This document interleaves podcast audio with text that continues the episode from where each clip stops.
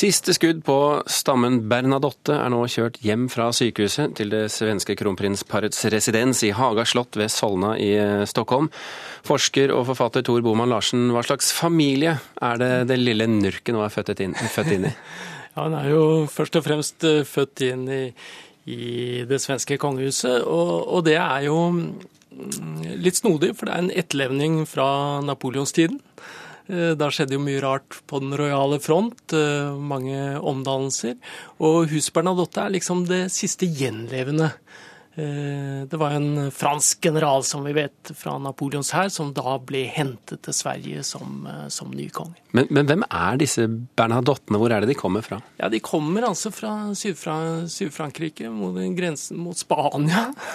Helt nederst?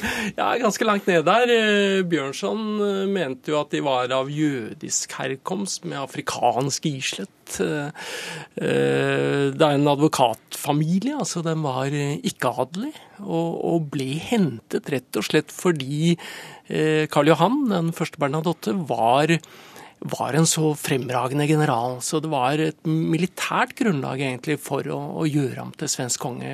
Og, Men de hadde jo en kongefamilie fra før?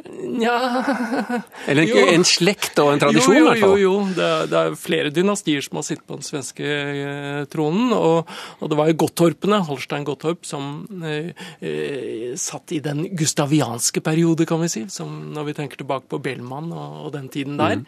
Men eh, Gustav 3.s sønn Gustav 3. var jo han som ble, ble drept under en uh, maskerade. ikke sant? Hans sønn Gustav den 4. Adolf, han ble sparket. Rett og slett sparket? Ja, sparket. Og en dårlig konge? Han var ubrukelig. Og da kom på en måte den, den svenske konstitusjonen på plass, og så trengte man et nytt dynasti. Men i hvilken grad er arven fra tidligere kongehus en del av det svenske monarkiet i dag? Jo, altså alltid vil jo monarkiet bære tradisjon, primært. Så linjen har jo sånn sett vært vi kan ikke si ubrutt, altså det har gått opp og det har gått ned. Og de fikk jo en ny eh, grunnlov på, på 70-tallet hvor, hvor, kongens maktposisjon jo ble svekket. Så tapte jo Bernadottene Norge i 1905, som vi vet. Eh, så det har gått opp og ned, men, men alt i alt så er det jo nå et fyrstehus som har sittet ganske lenge. Nesten 200 år nå. Hva slags kongefamilie har de, har de vært? Som familie har de jo vært altså Det som har vært litt typisk Bernadottene, har vært at de har vært ganske stive på det fordi de ikke hadde monarkisk legitimitet i utgangspunktet. De ble jo selvsagt uglesett, slik Napoleon også ble det, som oppkomlinger i, i, på den europeiske fyrstearena. Og da blir man veldig streng på det selv. Mm. Så, så, de holdt veldig på den monarkiske etiketten veldig lenge. Helt opp til Gustav 5. Som men, men, når du sier at man holder på den monarkiske etikette, hva gjør man da? Altså Hvordan gjør man det? Det gikk særlig på giftermålene, ikke sant? At man ikke da måtte slippe mer rødt blod inn, fordi man, man selv ikke var helt uh, royalistisk stueren selv. Kong Carl Gustav, som jo er regjerende monark i mm. Sverige, har jo slitt med egen manglende popularitet så å si, i, i det svenske folket. Er det noe som går i arv? Nei, det, det, det, det syns jeg ikke vi kan si. Det har vært populære og mindre populære svenske monarker. Men eh, Carl Gustav har jo ikke hatt det lett. Han kom veldig tidlig på tronen. Hans far døde jo, slik at han arvet tronen etter sin bestefar. Og, og man skal jo gjerne være oppe i 50-årene før man blir konge med litt pondus. Så det er kanskje ikke så rart at, at nettopp han fikk problemer. Men man må jo ikke forveksle personlige kongeproblemer med monarkiets problemer. For monarkiet står uavhengig av sin konge langt på vei. På hvilken måte? Jo, det er først og fremst en institusjon. Og det er en definisjon av et samfunn. Og det er Sveriges, eller Norges for den saks skyld, konstitusjon. Og det er ikke noe man endrer fordi om en monark eh, går på strippeklubb eller, eller får et dårlig rykte, eller det er problemer av den ene eller annen individuelle art. Eh, det, det er faktisk sånn at et monarki faller bare hvis det er dype samfunnsmessige maktendringer.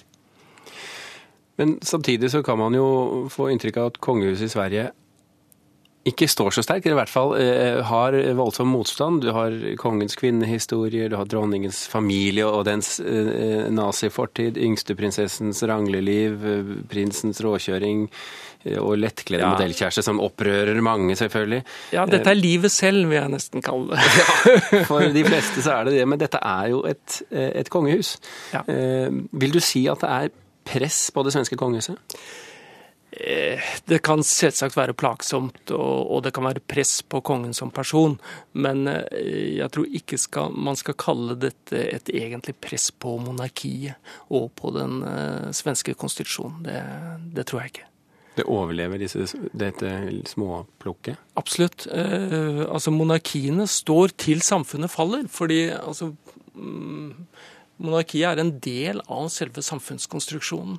Så det, det er ikke en ferniss som, eh, som kommer og går. Det, og når nå også fremtiden sikres, det er jo faktisk et ganske viktig poeng. At, eh, at tronfølgen er på plass.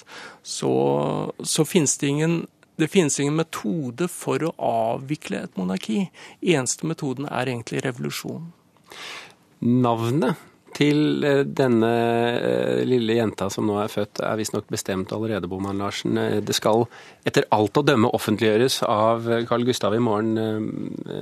Hva tror du det blir? Det skal egentlig veldig mye til hvis hun ikke blir hetende Kristina. Ja vel? Og hvordan Jo, det, jo, fordi man griper normalt tilbake til en regjerende monark, og, og, og da har man ikke så mange å velge i. Det er vel eh, tre, tre kvinnelige regjerende monarker før, før, før Victoria. Eh, og den ene er jo Margrethe, som svenskene har lagt sin elsk på. Og så er det Ulrikke Eleonora, og hun satt ikke lenge. Kristina er et svensk navn. Det er Hun regjerte ganske lenge. Men hun får kanskje noen navn i tillegg? Det tør jeg ikke spekulere på. Men, eh, og det kan jo være jeg gjetter feil òg, men, men, men eh, tradisjonen peker egentlig ganske entydig på det. Vi får se. Carl Gustav skal altså etter alt å dømme offentliggjøre navnet i morgen. Eh, Tusen hjertelig takk for at du kom til Kulturnytt, Tor Boman Larsen.